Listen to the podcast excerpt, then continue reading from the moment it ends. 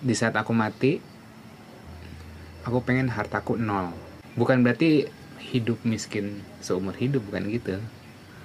Tapi ini ekspresi bahwa harta memang bukan satu-satunya tetapi in this world of exchange values values bisa harta atau bisa apa pun ya kita tetap harus punya nilai yang kita tukar gitu. Hmm. tetapi bukan nol hartanya yang menurutku seharusnya jadi jangkar di sini. Mm, tetapi jangkarnya menurut aku lebih ke arah kayak kenapa nggak kita maksimalin resource-nya aja?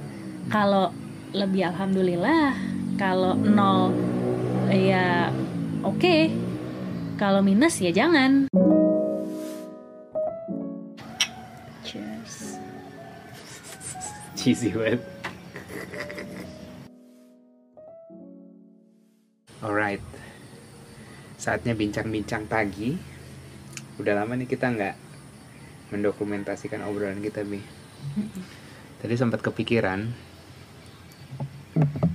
kayak ada sebuah ide yang muncul di ada dangdutan kedengeran gak sih? Mungkin. Ya tapi nikmatin saja. Ide yang muncul di kepalaku sering kali muncul di kepalaku yaitu ya di saat aku mati aku pengen hartaku nol. Aku nggak ninggalin harta sedikit pun. Di dunia. Jadi terus tadi kamu nanya kan? Tadi pertanyaan kamu apa? Kenapa? Oh ya kenapa? Ya, jadi sebenarnya ini sebuah ekspresi yang kayak bukan berarti hidup miskin seumur hidup bukan gitu. Tapi ini ekspresi bahwa segala sources, segala aset, segala potensial, segala opportunity, opportunities semasa aku hidup udah aku pakai semua. Secara maksimal, full. Jadi di saat waktunya aku mati kayak ya udah. Kayak gini. Tadi tadi tadi aku menganalogikan misalnya ada orang yang eh, kaya raya lah gitu ya. Dari segi harta nih. Terus dia ngumpulin ngumpulin ngumpulin ngumpulin.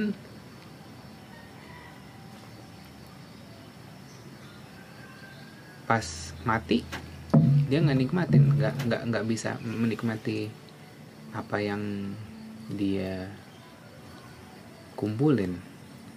Kayak sayang gak sih gitu. Ini bukan kayak egois bahwa oh lu punya anak cucu apa segala macam. Aku pengen ninggalin anak cucuku tuh malah knowledge skill wisdom experience gitu. Aku nggak mau ninggalin mereka sedikit pun harta. Mungkin terdengar terdengar egois gak menurut kamu? Aku mendengar luka lama sih. Gak usah bawa personal dong.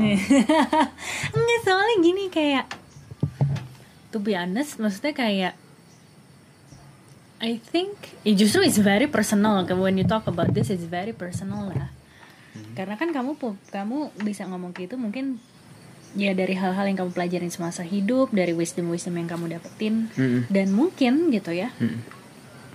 kita kan nggak pernah tahu bi orang-orang yang punya duit harta banyak tuh apakah mereka tuh mengorbankan hidup mereka demi bla bla bla or mereka udah memaksimalkan itu tapi ternyata emang lebih aja Hmm. gitu kan kita Menarik, nggak menarik, menarik. bisa menurut aku kita nggak bisa ngejudge a Menarik, person menarik, menarik. ya because we doesn't know the story gitu menarik menarik jadi ketika kamu ngomong kayak gitu, yang aku dengar jujur adalah it was you wishing. Andaikan gue nggak perlu harta. Itu kayak kayak bentuk bukan kekecewaan sih tapi kayak gue nggak perlu harta gue tapi butuh wisdom gue butuh ini gue butuh itu.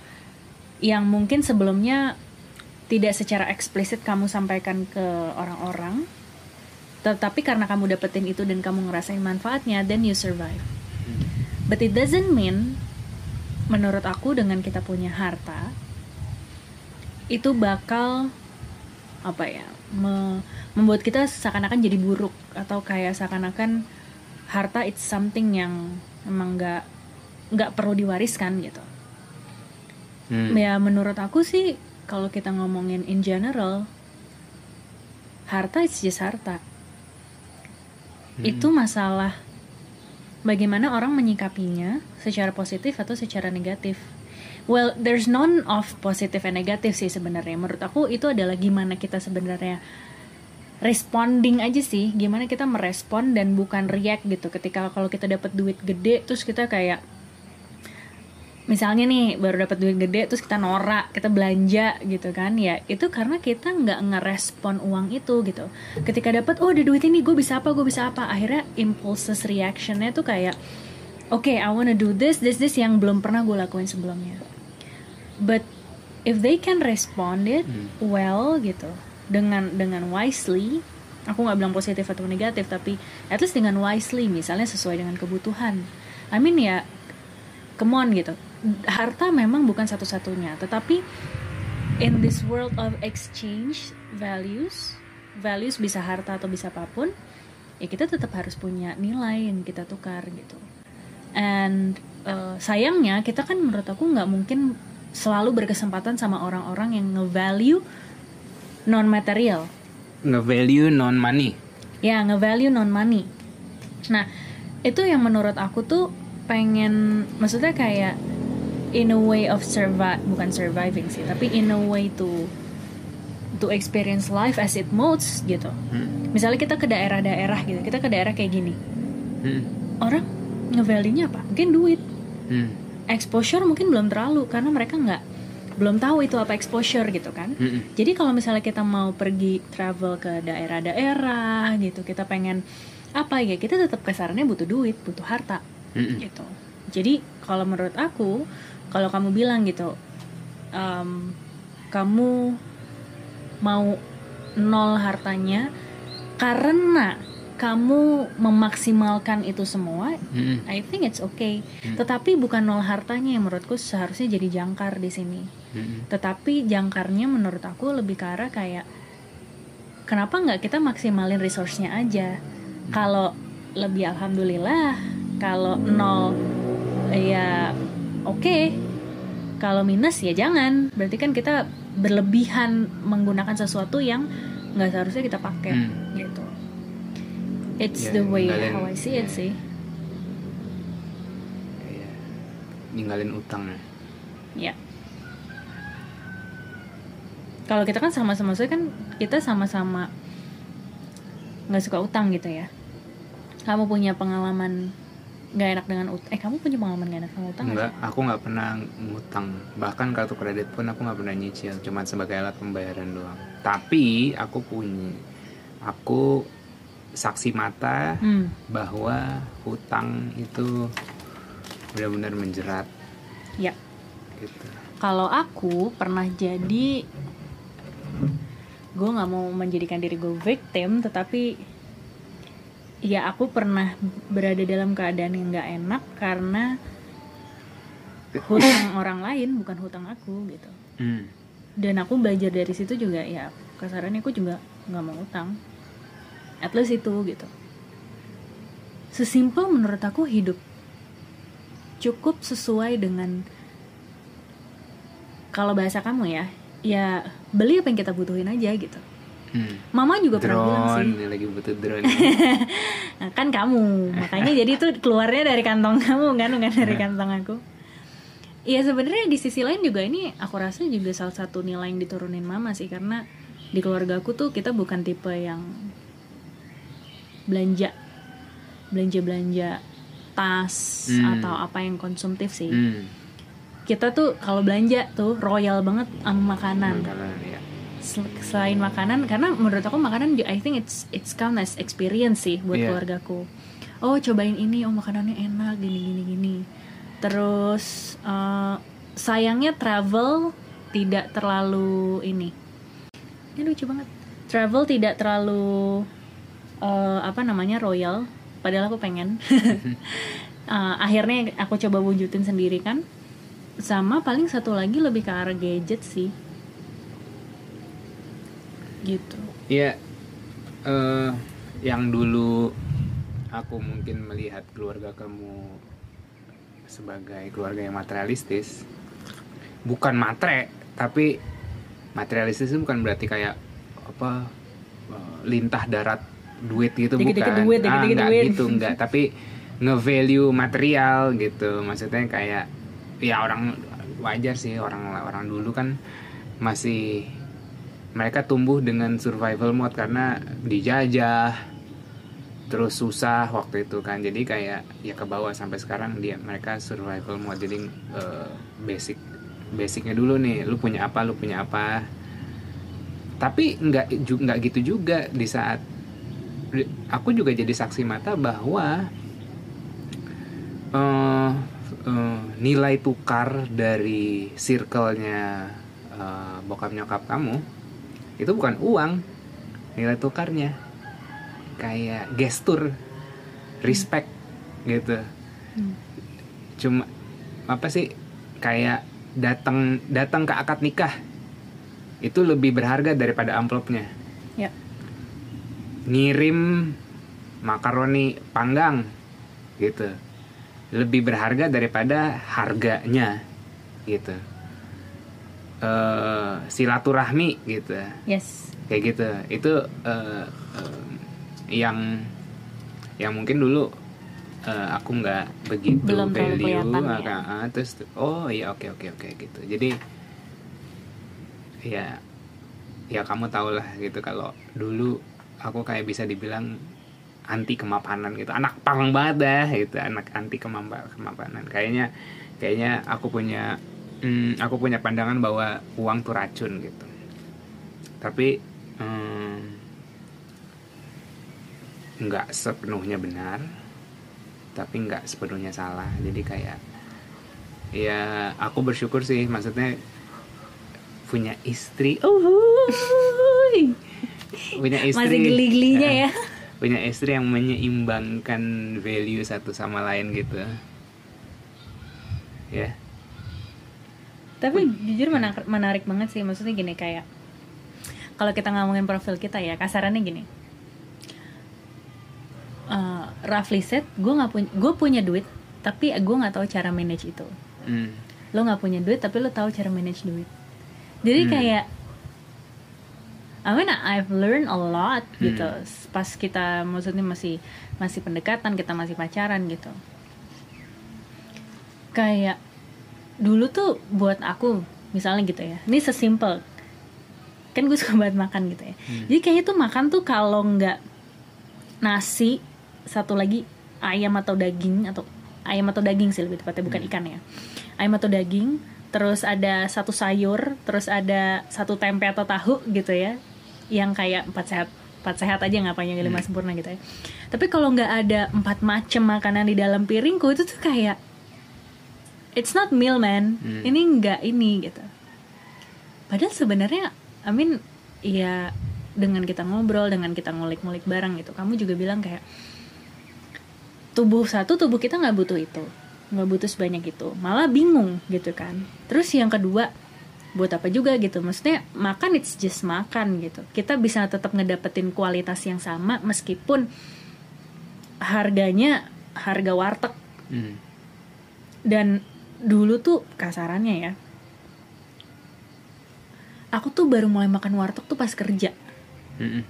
selama kuliah gitu-gitu tuh kayak setelah gue pikir-pikir gue hampir jarang sih makan warteg karena gue makannya di mall Hmm. jadi kayak I think no wonder gitu no wonder um, ini kepikiran sekilas aja. No wonder gitu orang-orang sekitar aku tuh ngerasa kayak ya Allah Anes kayaknya hidupnya susah banget gitu ya. Atau misalnya kayak um, sedih banget gitu atau gimana gitu. Selama sama Yaser gitu? Eh nggak not specifically with Ah. you tapi at least kok kayaknya Anes bukan Anes yang dulu dikenal gitu. Di saat anda makan warteg kayaknya lagi bokeh banget sedih Padahal- kurus sakit.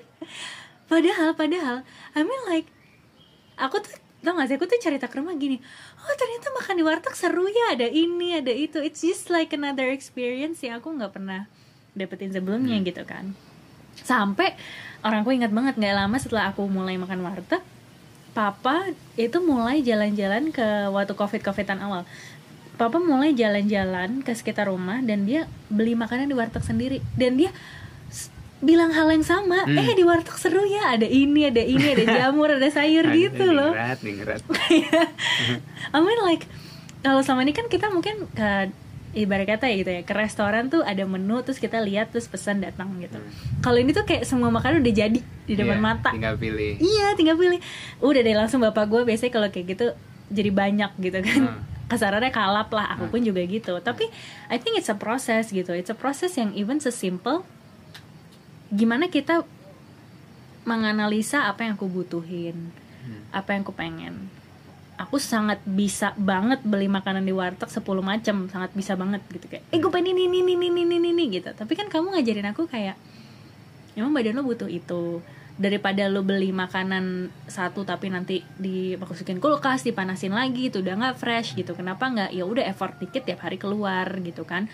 Emang for the fresh food gitu dan dan apa salahnya dan nggak susah misalnya gitu.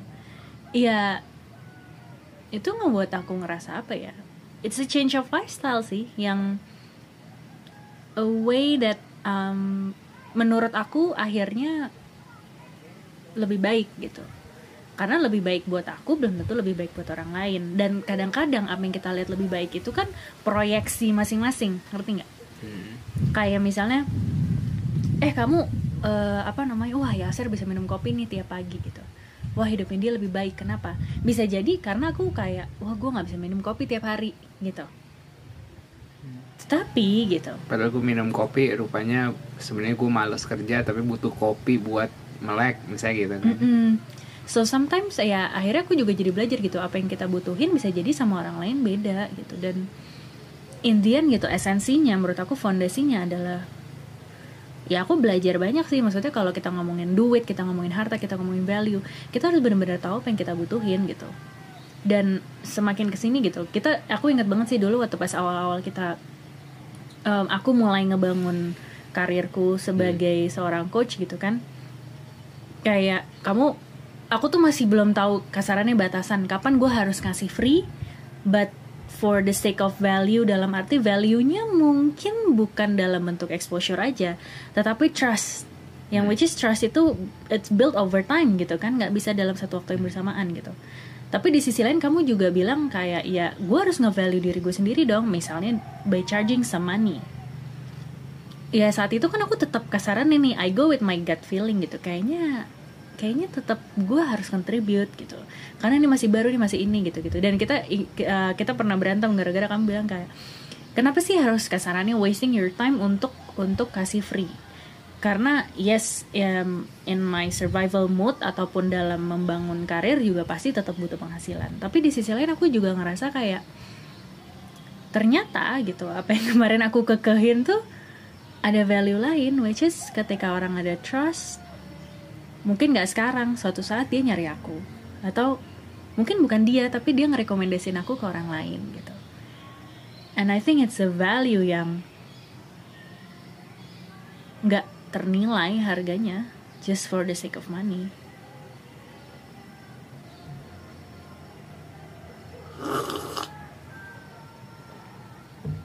Kayak bumpernya Yasha Moment Udah, pendek-pendek aja, nggak usah terlalu panjang. Ya. kalau kayak gini kita perlu wrap up nggak sih? Nggak perlu. I think for the for the sake of kita sendiri, Mm-mm. like what can we learn or what insight that did we get from this conversation?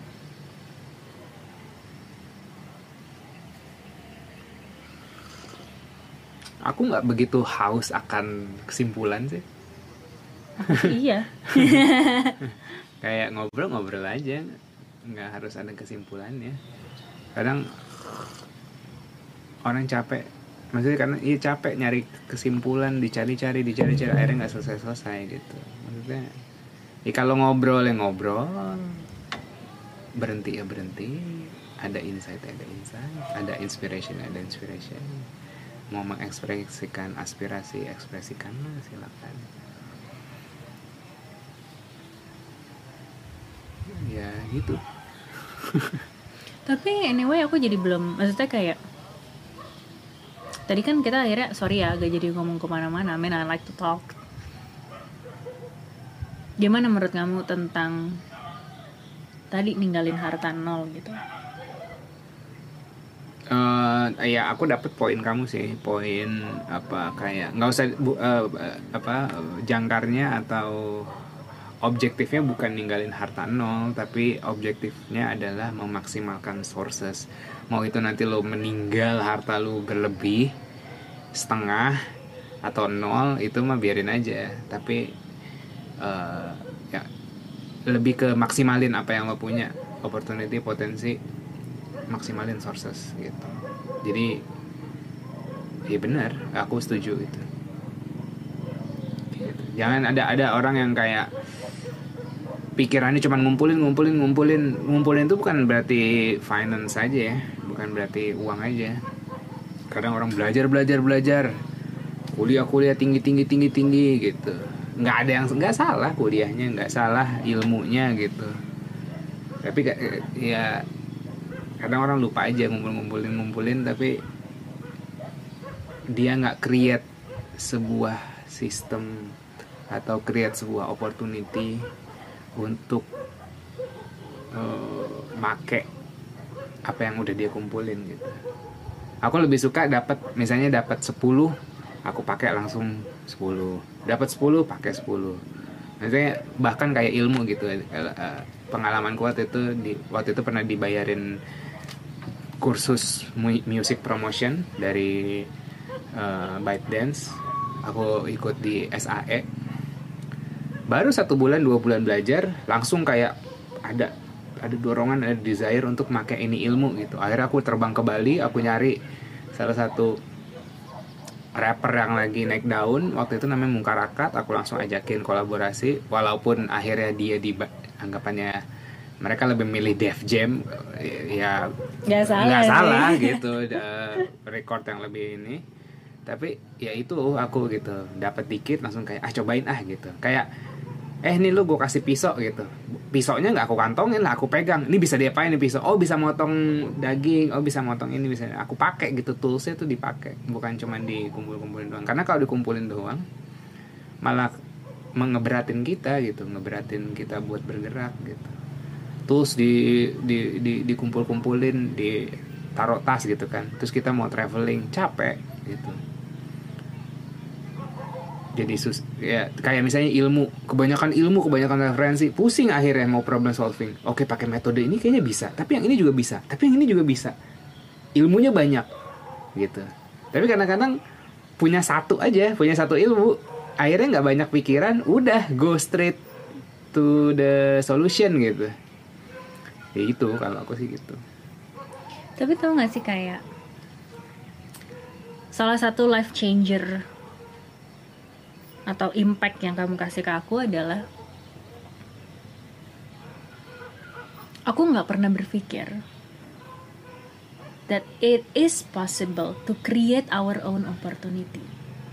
Hmm. Karena di dalam hidup aku selama ini Mhm. Kata-katanya gitu ya atau atau perspektifnya itu adalah opportunity tuh dicari Mhm. atau dikejar Mhm. atau menunggu Didapatkan. opportunity. Yes, didapatkan. Jadi seakan-akan tuh kayak it's a passive Mm-mm. thing yang ya someone has to create it first and then kita ikut gitu. But I never thought iya ya gitu. Sebelum kita mencari or kita masuk ke dalam sebuah opportunity, ada opportunity lain yang di-create sama seorang businessman misalnya Mhm. yang perspektif itu tuh life changer banget menurut aku untuk em, sebagai orang yang pengen punya bisnis nggak tahu mulai dari mana dan taunya cuma belajar dulu doang di sekolah tapi nggak nggak nggak bener-bener can you actually utilize the the knowledge and the skills um, practically langsung gitu karena mungkin belum pernah ada sense-nya. Sesimpel mindset yang kamu titipin ke aku itu tuh kayak itu life changing banget. Karena akhirnya gitu aku maksudnya kan kayak aku punya visi tapi aku nggak pernah tahu gimana caranya untuk mewujudin visi itu gitu aku pikir ya udah kita harus menunggu opportunity. Kapan momennya tepat gue masuk? Tapi ya udah gitu nunggu opportunity-nya datang dulu. While ternyata kita bisa create momentum itu.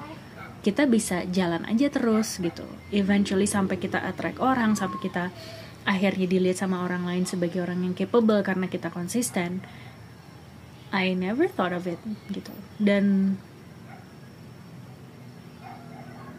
paling itu juga adalah salah satu hal yang mungkin apa ya kalau kalau misalnya kayak tadi kita ngomongin perspektifnya adalah nggak mau ninggalin harta gitu ya tapi pengen ninggalin yang lain gitu. Perspektif-perspektif yang insightful kayak gitu sih yang menurut aku perlu kita titipin ataupun kasaran ini kita warisin ke anak-anak kita sih gitu. Karena gampangnya simpelnya tuh kalau di quotes quotes tuh kayak you can if you think you can gitu kan. Atau misalnya kayak everything is possible nothing is impossible gitu. Tapi kan it sounds like bukan cheesy sih tapi tuh kayak it's very general dan sangat apa ya umum banget. Sampai ya sometimes ada konteks-konteks kecilnya lagi gitu lah yang bisa di diperes dari situ gitu. Bahwa ketika kita ada sebuah opportunity kita selama ini cuma ngeliatnya dari sini. Kita bisa dapetin kita bisa kejar kita bisa ini. Tapi 180 degrees di belakang sini we hey we can create opportunity loh gitu. Yang akhirnya kita kalau ngeliat sesuatu tuh bukan lagi sekedar dari dari satu arah ataupun satu sisi, tetapi kalau kita ngeliat sesuatu itu memang bisa more thorough gitu. Dan akhirnya it gives more chance. Kalau ada kesempatan bisa kita ambil, kalau ada yang perlu dikejar kita kejar. Tapi kalau misalnya memang nggak ada, ternyata kita juga bisa create momentum itu gitu. Dan jadinya kayak everything is a tool, even those mindset is a tool. Dan itu bisa menghantarkan kasaran yang buat aku gitu ya ke ya ke arah karir yang memang pengen aku pengenin gitu dan ke arah tadi sih mungkin ke arah memaksimalkan potensi yang aku punya gitu kalau nggak ada tempat yang bisa menjadi naungan aku untuk memaksimalkan potensi itu ya udah gitu. Gue create aja sistem itu sendiri tempat itu sendiri or even myself gitu untuk nunjukin ya gue bisa ini itu dan lain-lain gitu. Dan I create it by myself gitu. Dan kayak jujur it's very empowering buat aku. Karena ya I never thought I can. I never thought I can do like online working besides misalnya digital marketing atau misalnya besides IT gitu loh. Selama ini kan yang terkenal itu gitu kan. Tetapi ternyata kayak ya kamu ngajarin aku yang penting lo tahu dulu lo maunya apa dan Indian cari cara gitu loh buat ke sana gitu. Tuh kayak wow ada ya cara itu gitu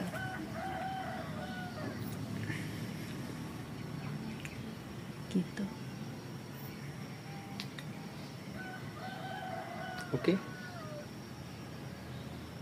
kamu nggak tersipu malu karena aku bilang thank you anyway I wanna say thank you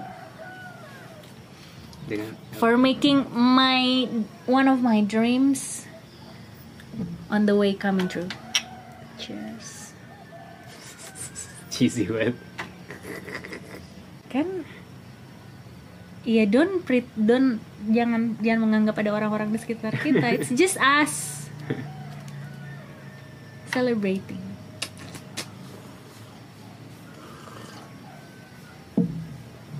Ya,